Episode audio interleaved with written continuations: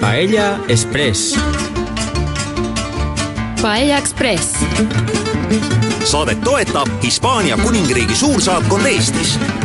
tere tulemast järjekordsele reisile Paia Ekspressiga. täna asume kino ja kino ajaloo radadele. anname ülevaate Hispaania kinost, aga põikame ka Ladina-Ameerikasse. tänasel reisil osalevad Anneli Tarto, Maria Ferreiro Lopez, Hector Alcinet Rodriguez ja Kairi Villemson. Hola, tere, tere päevast! kindlasti teate selliseid Hispaania filmirežissööre nagu Pedro Almodovar, Alejandro Amenabar või Luis Buñuel ja filme Räägi temaga, Sinu ema ka või teised. aga võib-olla te ei tea, et Hispaania kinos kehtis diktatuuri ajal üle kolmekümne aasta väga karm tsensuur. Samuti pole te arvatavasti kuulnud erootilise kino fenomenist, mida nimetatakse destapeks. sellest ja paljust muust täna räägimegi. Maria ja Hektor, kas teile meeldib kino? mitte väga, ma käisin kinos varem, siis kui kino oli suhtlemiskoht, praegu on sellel vaid kultuuriline aspekt. tänapäeval töötatakse palju arvutiekraani ees ning vaval ajal on mul raske jälle ekraani ees istuda.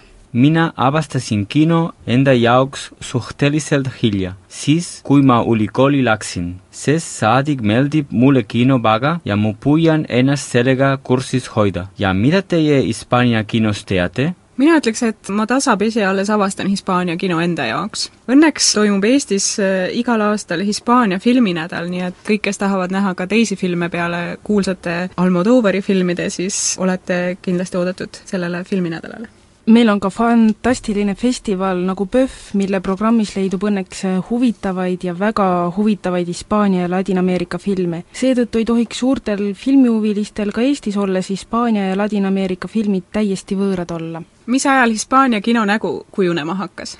võib öelda, et Franco diktatuuri ajast on pärit Hispaania filmiajaloos olulised filmid. alustame siis oma rännakut Franco diktatuuri aegse kinoga. kuidas diktatuur Hispaania kinole mõjus? See oli kinole ja kinovaatajatele raske aeg.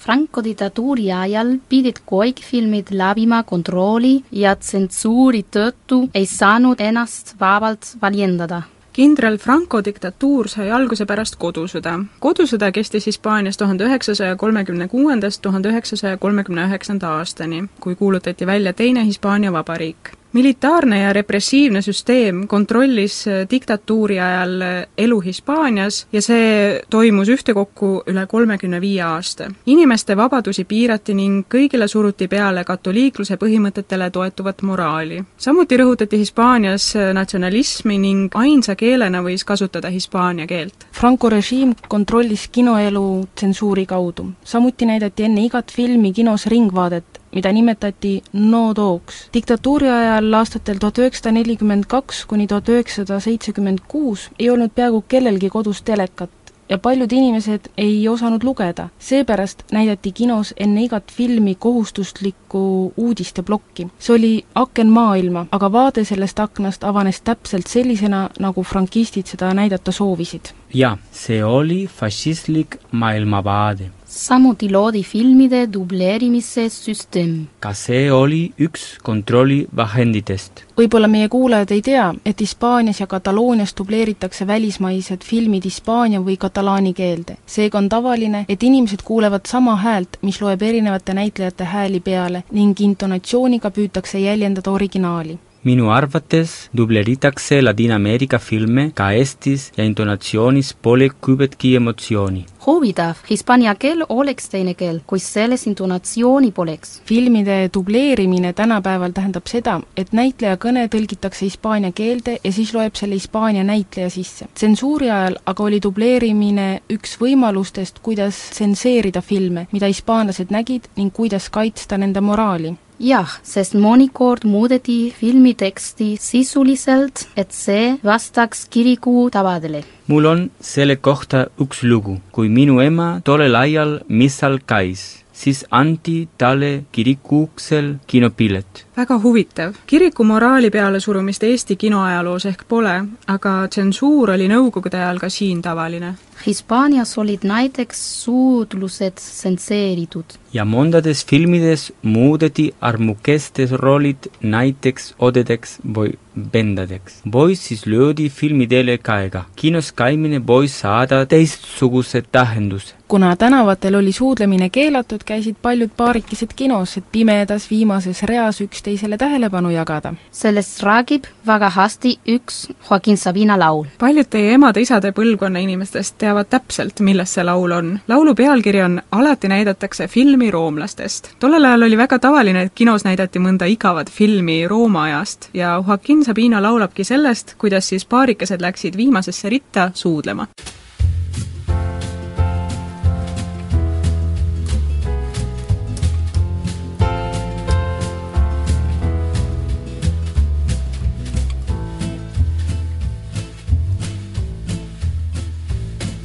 La tarde consumió su luego fatuo, sin carne, sin pecado, sin quizás. La noche se agavilla como un ave a punto de emigrar. Y el mundo es un hervor de caracolas, ayunas de pimienta, risa y sal y el sol es una lágrima en un ojo que no sabe llorar. Tu espalda es el ocaso de septiembre, un mapa sin revés ni marcha atrás.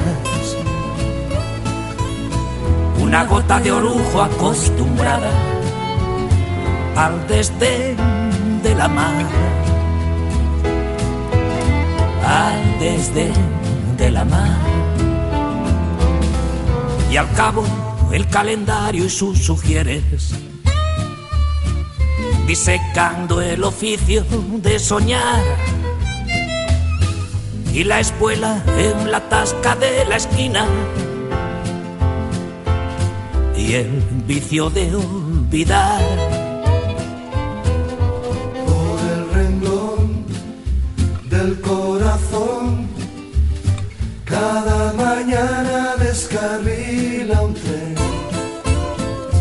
Terminar, vuelta a empezar, dos horas después de amanecer.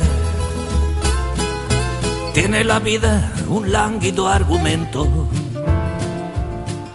que no se acaba nunca de aprender. Sabe a licor y a luna despeinada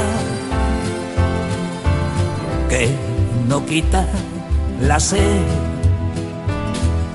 La noche ha consumido sus botellas, dejándose un jirón en la pared. Han pasado los días como hojas de libros sin leer, de libros sin leer. Braco.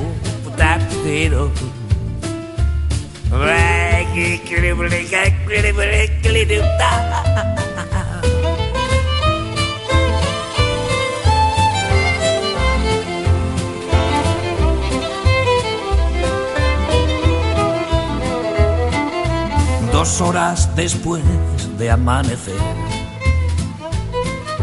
Dos horas después de amanecer.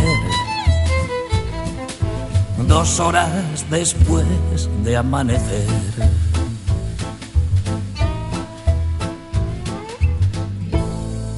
kuulate Paia Ekspressi saadet ja täna reisime kinomaailmas. esimene peatus Benidorm. rääkisime Hispaania kino raskest olukorrast äh, Franco diktatuuri ajal, nüüd aga lähme edasi selle ajastu filmimaailma suurkujudega. keda te esile tõstaksite?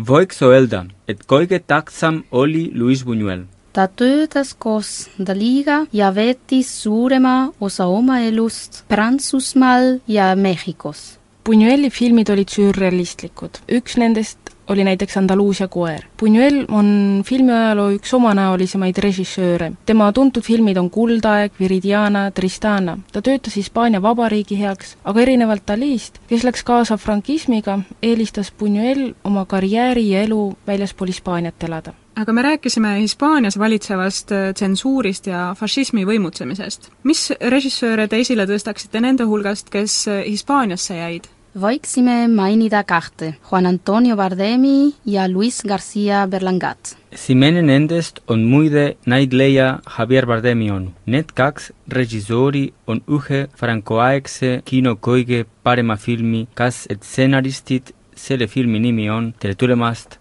härra Marshall see film viitab Marshalli plaanile, abile, mida Ameerika Ühendriigid pärast teist maailmasõda Hispaaniale andsid. see film näitab, kuidas üks väike küla ja selle elanikud valmistuvad ootusärevalt härra Marshalli vastuvõtuks, et tänada suure abi eest. lõpuks sõidab külast läbi vaid üks auto, kus pole isegi härra Marshalli sees. see film kujutab irooniliselt Hispaania ühiskonda heaolu ootuses, mis kätte ei jõua Juan Antonio Bardemi filmidest võiks mainida näiteks Ühe jalgratturi surma ja Peatänavat. viimase filmi tegemise ajal võeti Bardem kinni ja ta veetis kaks ööd vanglas. kuigi tema filmid saavutasid välismaal edu, oli Bardemil Hispaanias tsensuuriga alati probleeme. Luis Garcia de Berlangat peetakse aga Hispaania sõjajärgse kino uuendajaks. tere tulemast härra Marshallile ja lisaks võiks mainida veel Timukat tema töid iseloomustab sotsiaalpoliitiline satiir ja iroonilisus. diktatuuri ajal saavutas ta meisterliku oskuse, kuidas tsensuuri üle nalja heita. ta tegi seda kaheti mõistetavate dialoogide ja situatsioonidega. filmi Timukas on mõned teist kindlasti näinud ka Ibero-Ameerika filmiklubis Tartus, mida organiseeritakse koos hispaania keele õpetaja Juan Manuel Leal Funesiga. Maria,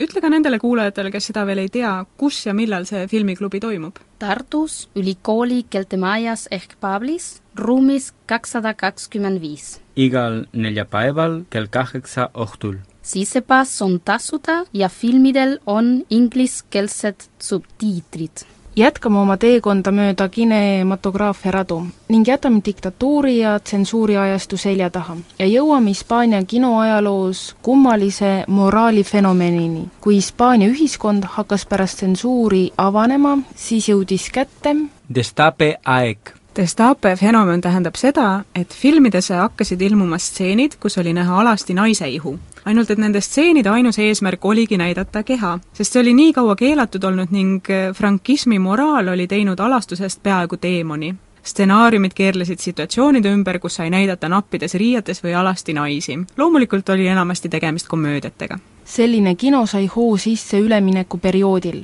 sellesse aega jääb Franco surm tuhande üheksasaja seitsmekümne viiendal aastal, kaheksakümne esimese aasta läbikukkunud riigipöördekatse ning perioodi lõpetab demokraatia saabumine tuhande üheksasaja kaheksakümne teisel aastal. Destapet võib pidada buumiks näiteks võiks rääkida ühe loo seoses Itaalia-Prantsuse filmiga Viimane tango Pariisis siis, kui Destape polnud veel Hispaania kinodesse jõudnud, levisid kuuldused, et see Bernardo Bertolucci tuhande üheksasaja seitsmekümne teise aasta film jooksis Prantsusmaal kinodes. tuhanded hispaanlased sõitsid Prantsusmaa piiriäärsetesse linnadesse Perpignani, Bayonasse või Hendaiasse, et seda filmi vaadata ja miks Destapest rääkimiseks äh, me täna Benidormi sõitsime? sest Destape jõudis Hispaania ühiskonda koos bikiinidega, mida kandsid Inglise turistid. Tuhande üheksasaja kuuekümnendate aastate keskpaigas jõudis välisturism Hispaaniasse, eriti aga Alicante provintsi, Benidormi randadesse ning turistid hakkasid topless päevitama ja kandma bikiine, mida varem Hispaanias ei tuntud. meie Panemate polpkond maletab väga hästi rootslanade ja sakslanade tulekut Hispaania randadesse. Hispaania naiste jaoks oli see skandaalne, meestele aga omamoodi kino. Kui telekas näidati randa, vaatasid kõik mehed alati hea meelega, sest näha blonde, sinisilmseid, vorkelt rääkivaid naisi napis riietuses oli justkui revolutsioon ühiskond ja mõttemaailm muutus tuhande üheksasaja seitsmekümnendatel ning selle tulemusel jõuti Hispaanias tuhande üheksasaja seitsmekümne kaheksandal aastal põhiseaduse vastuvõtmiseni. ka kino tegi läbi muutused, tulid uued teemad ja uued ideed. kaheksakümnendatel aastatel toimus nii-öelda ärkamine kultuurimaailmas üldiselt. filme hakkasid tegema noored, uuenduslikud ja omanäolise stiiliga režissöörid. katsuge nüüd unustada need pool alasti naised Destape aia filmidest ja kuulame ühte laulu. millist? Radio Futura lauluga Escuela de Calor. see laul räägib rannas päevitavatest naistest.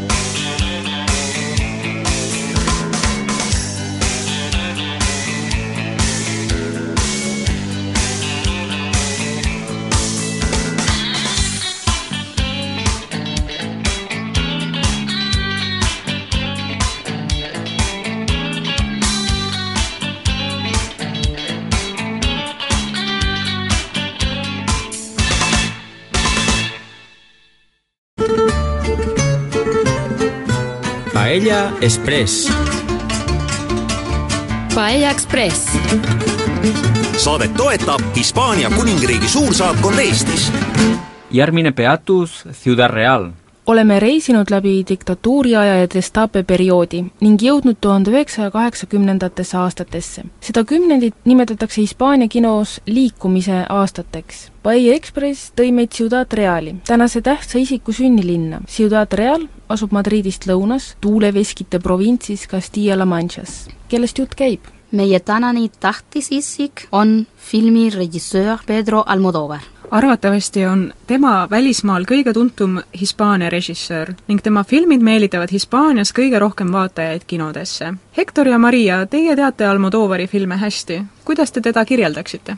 igapäevaelu, mis on muutunud rahvusvaheliseks. ta on Hispaania ühiskonna peegel. meie jaoks on tema filmides näidatab midagi tavalist, aga välismaalaste jaoks on see eriline, isegi eksootiline. Ja sina, Maria, kuidas sina Almodovarit kirjeldaksid? ta on emotsioonide portreekunstnik.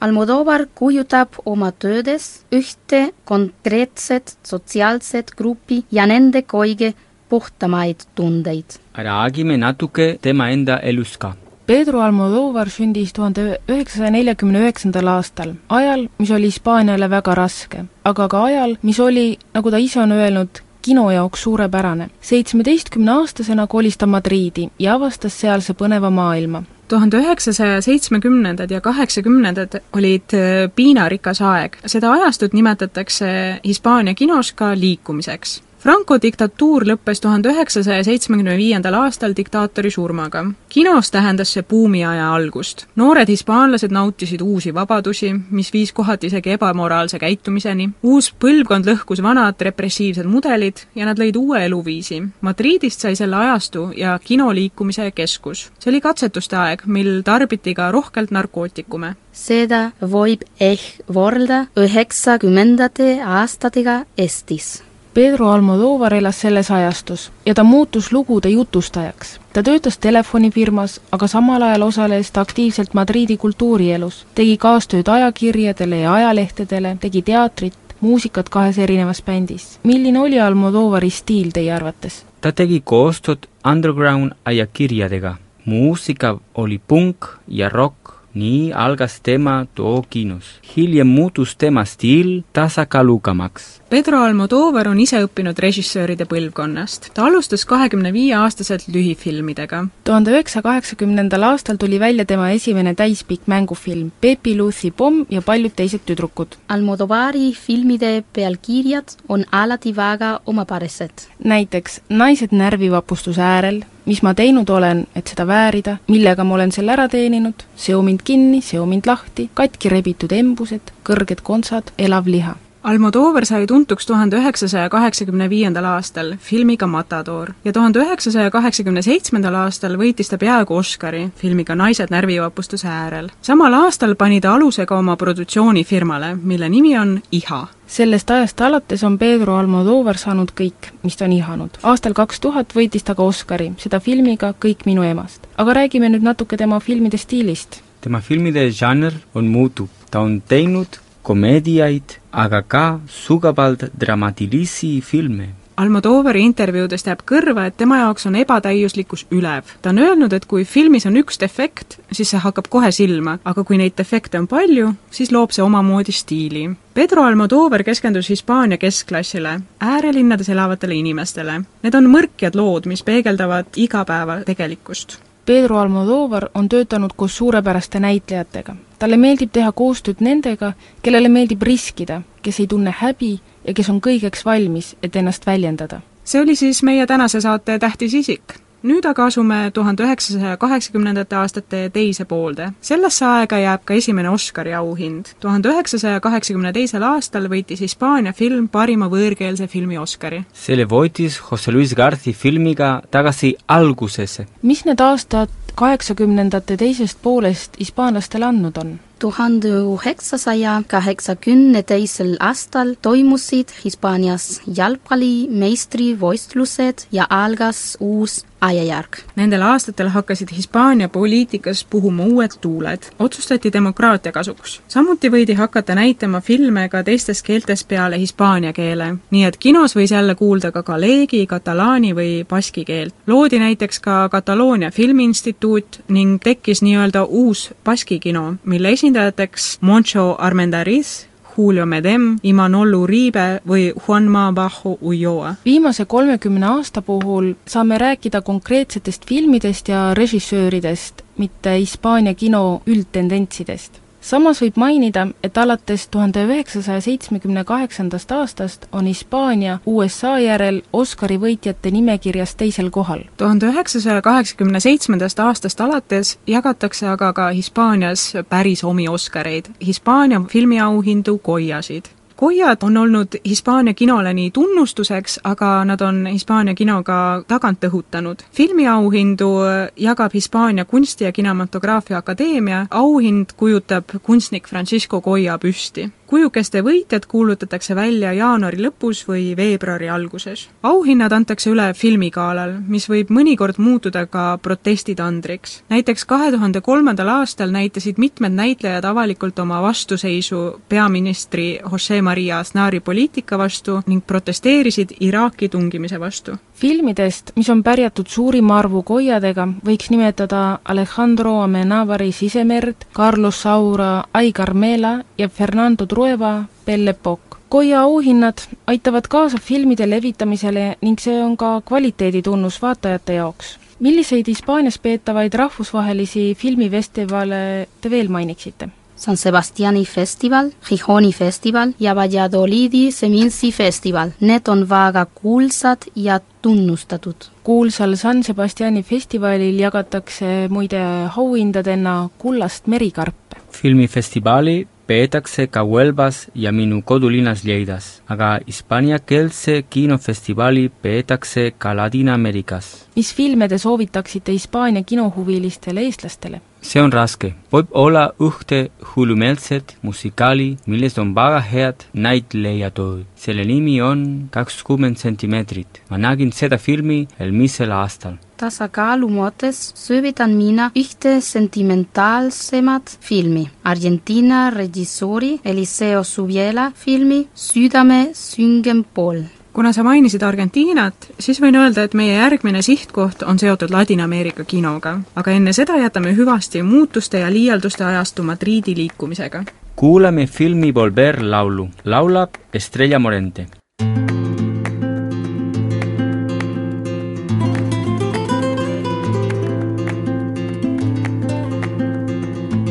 Yo adivino el parpadeo de las luces que a lo lejos marcando mi retorno. Son las mismas que alumbraron con su pálido reflejo juntas horas de dolor. Y aunque no quise el regreso, siempre se vuelve al primer amor. La vieja calle donde le codijo, tuya es su vida, tuyo es su querer. Bajo el volón, mirar de las estrellas que con indiferencia hoy me ven volver, volver.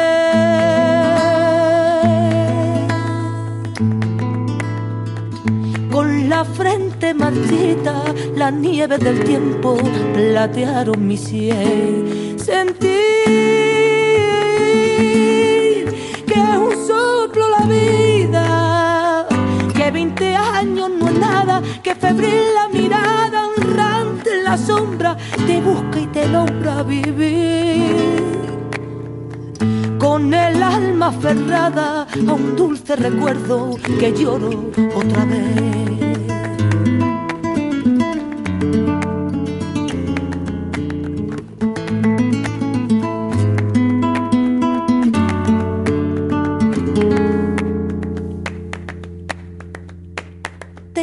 Miedo del encuentro con el pasado que vuelve a enfrentarse con mi vida. Tengo miedo de la noche que poblada de recuerdo encadena mi soñar. Pero el viajero temprano detiene su andar. Y aunque el olvido que todo lo destruye haya matado mi vieja ilusión, guardo escondida y una esperanza humilde que es toda la fortuna de mi corazón. Volver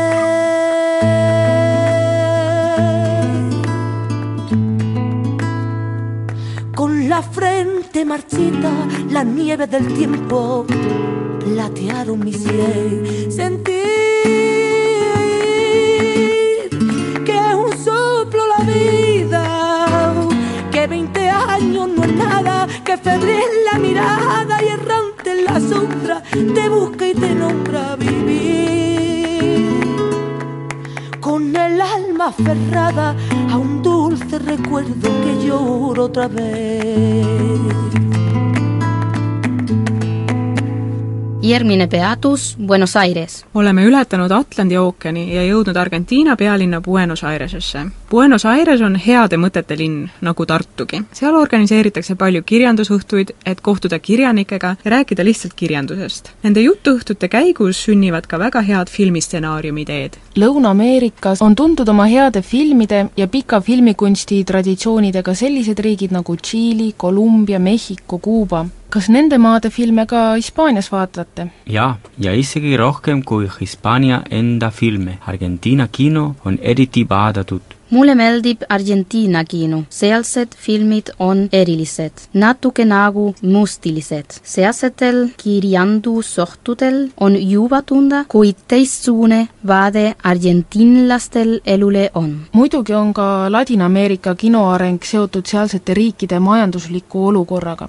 Kuna Argentiinas ja Kolumbias on rohkem elanikke, siis on ka sealne filmiturg suurem. tõsi, viimase kolmekümne aasta jooksul on Argentiina ja Mehhiko tasapisi rahvusvahelisele areenile tulnud. uus Argentiina kino on viimase viieteistkümne aasta jooksul kinolinale toonud väga häid ühiskonnakriitilisi filme. filmirežissöör Adolfo Aristrain on väga tuntud ja sel aastal võitis tema film Tema silmade saladus Oscari võõrkeelse filmi kategoorias. neljakümnendatel, viiekümnendatel aastatel oli Mehhiko filminduses kuldaeg. sel ajal oli Mehhikos Hispaaniast poliitilistel põhjustel põgenenud Buñuel, näitlejad nagu Mario Moreno, keda kutsuti ka Cantiflans, tolleaegsed Mehhiko filmid ja näitlejad olid kuulsad kogu Ladina-Ameerikas, kaasa arvatud Ameerika Ühendriikides. tuhande üheksasaja seitsmekümnendatest aastastest algab uue Mehhiko kino ajajärk ja sealt väärib esiletõstmist režissöör Arturo Ripstein. mulle meeldib üks Mehhiko film, selle filmi nimi on Viiul, soovitan seda vaadata.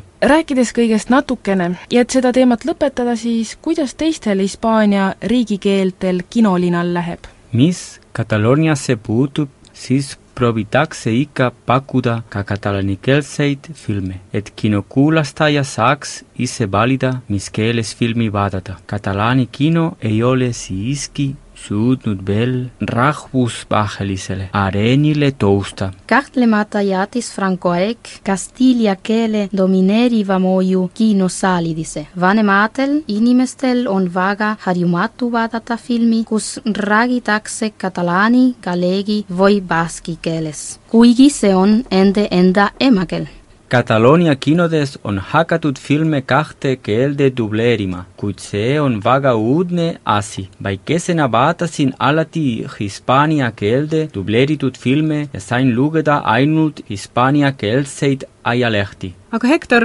kes on Kataloonia silmapaistvaim filmirežissöör?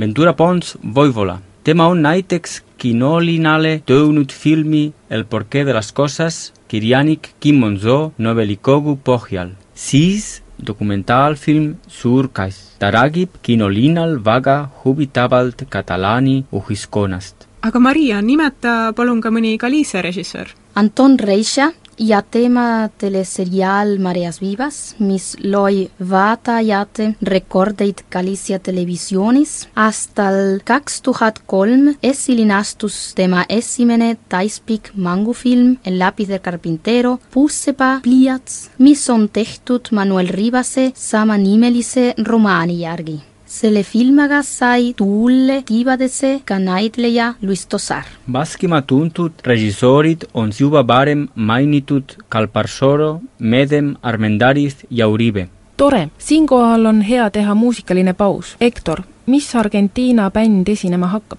Bersuit lauluga La Bolsa.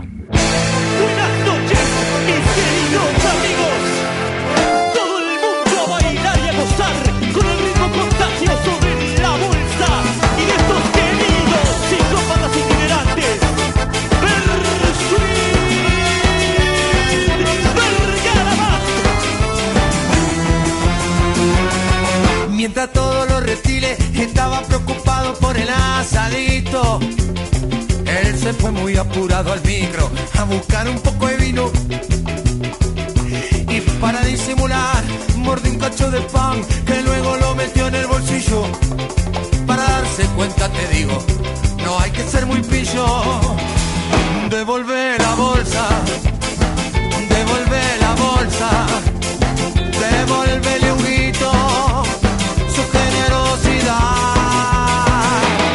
Si esta noche en la bolsita no aparece la monada, se enloquece. Ven y entrega la camerusa ahora, te vamos a perdonar. Sos, sos, sos el único rabioso que hay, esquivando la mirada. Da envidia verte mandibulear, termina con la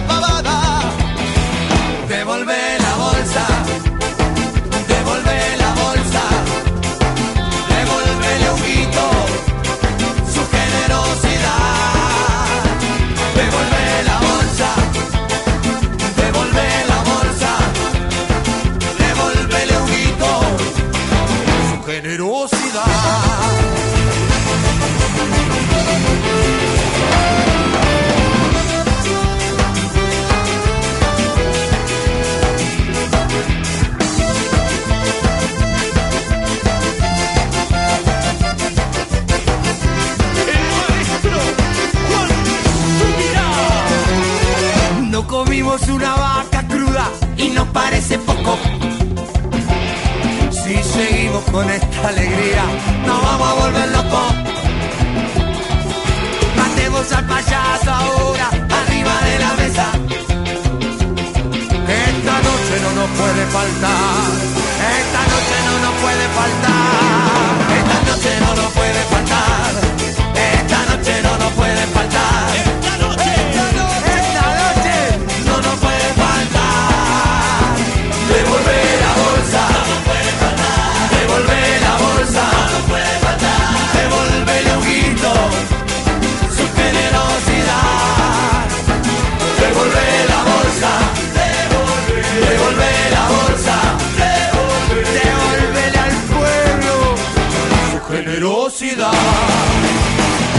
Generosidad.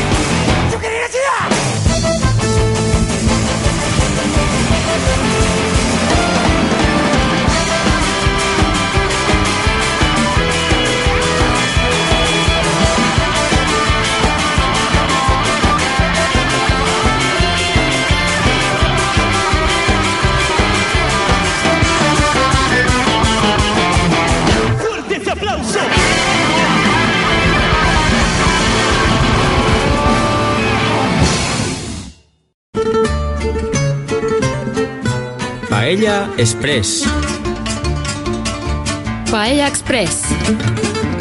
saadet toetab Hispaania kuningriigi suursaatkond Eestis ennist rääkisime Hispaania kinost kultuuriloolisest vaatevinklist, aga nüüd räägiksime Hispaania kinost läbi sotsiaalse prisma. mis lood, juhtumid, muljed teil seoses kinoga meelde tulevad? saate alguses ütlesin, et mulle kino enam eriti ei meeldi, sest ta on oma sotsiaalse hinge kaotanud. Et meie digiajastul saab tohutult paljudest erinevatest kanalitest filme vaadata, et filmi vaatamiseks ei pea enam kinno minema, kus enne ja pärast koos sõpradega lobiseda ja muljeid vahetada. jah, praegu on kinod nukravoidu. minu jaoks lõppes kinoelu koos keskkooli lõpuga. Kuidas siis tollel ajal, tuhande üheksasaja üheksakümnendatel aastatel kinos käidi? mulle meeldis filme vaatama minna, sest selleks tuli sõpradega enne kokku saada. film oli ja ei olnud ka tähtis. Kui praegusel ajal televiisoris äh, filmi keskele tehakse näiteks äh, kümneminutiline reklaamipaus, siis see häirib vaatajaid kohutavalt. aga kunagi oli Hispaanias äh, selline aeg, kui ka kinos tehti filmile kahekümneminutiline vaheaeg. jah, ja see oli alati liiga lühike. jaa, sest äh, kinosaalis mindi välja, osteti süüa või juua, aeti jutu, saadi uute inimestega tuttavaks. Hektor, mis sulle veel kinos käikudega seostub? viimases reas istusid alati paarikesed, et seal suudelda ja lapsed pildusid neid popkornidega. aga ma olen kuulnud, et Hispaanias oli ka nii-öelda pikk äh, kinoseanss, mida see tähendab? See tähendas,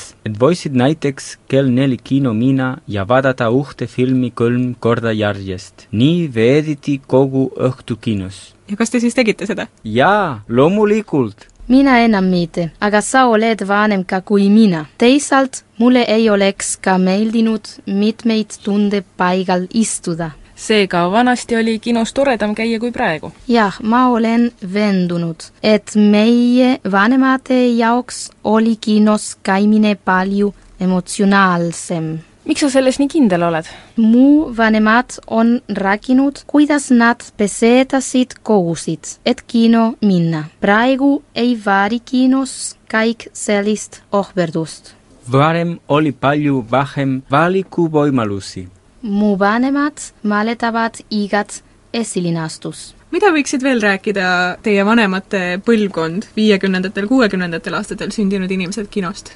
palju räägitakse kahest rombist, kahest hirmurombist.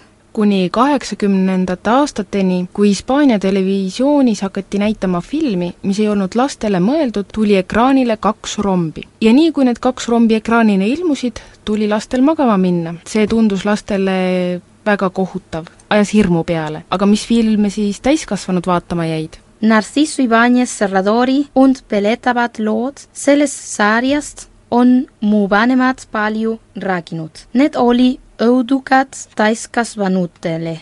lapsed vaatasid telerit alati koos vanematega. ema ja isa või sugulastega käidi ka koos kinos. see traditsioon on täitsa haabumas.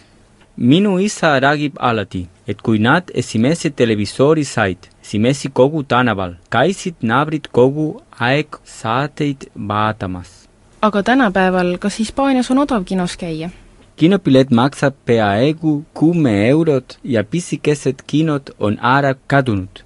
nüüd on makrokinod, mis asuvad kaubanduskeskustes. minnakse kino, kuid siiski käiakse oluliselt vähem. filme vaadatakse kodus. kaheksakümnendatel oli veel igal linnaosal oma kino. ka igas külas oli oma kinosaal. nüüd on kinod nagu haiglahõoned siis hakati näitama filme, mis tõi palju rahvast kinno, need olid muusikafilmid, mis oli uudne ja sellistest filmideks võiks äh, esile tuua Al otro lado de la cama näiteks.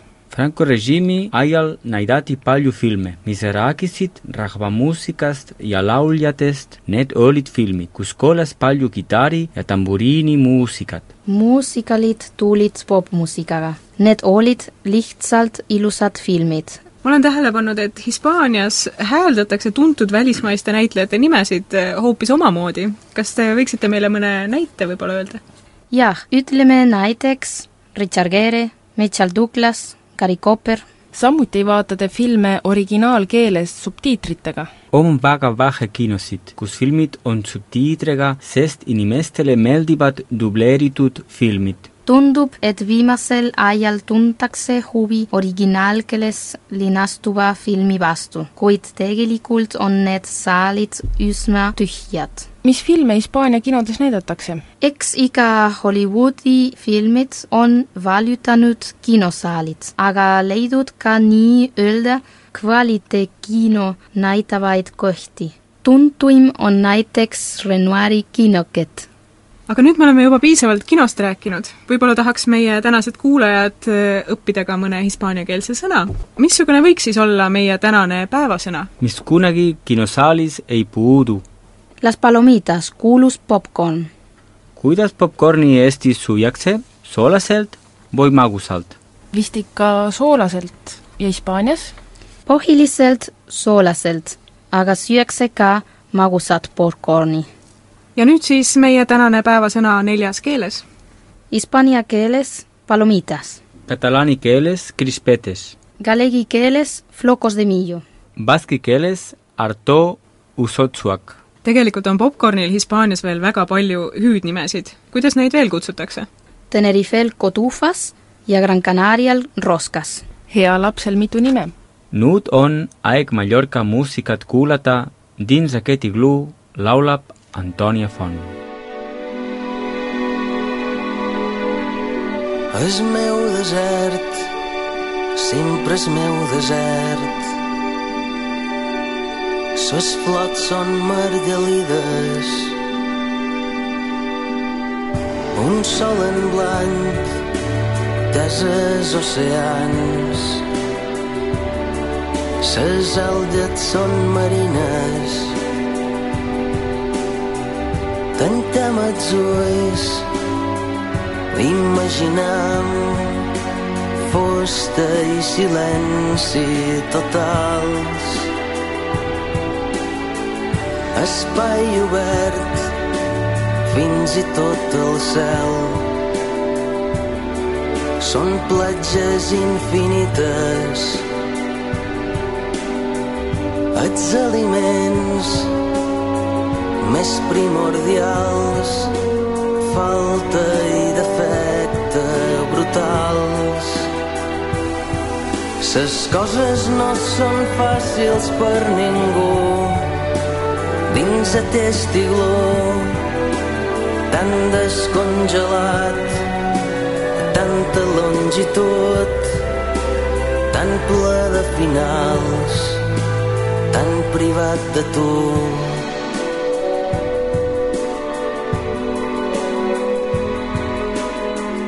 És meu desert, sempre és meu desert. Són cactus, són espines, un sol en blanc, ficus vegetals.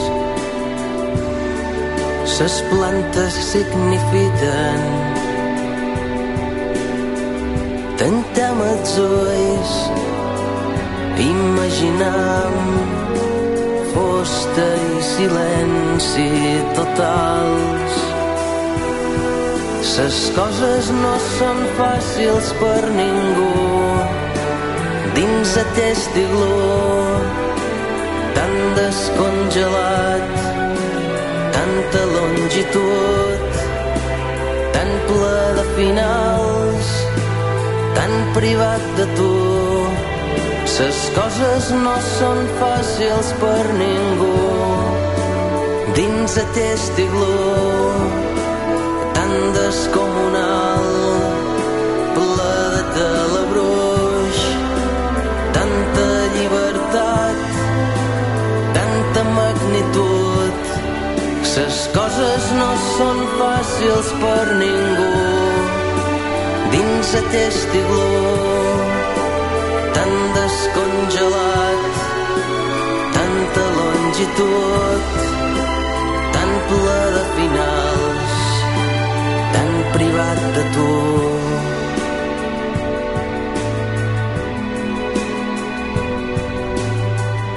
És meu desert, sempre és meu desert.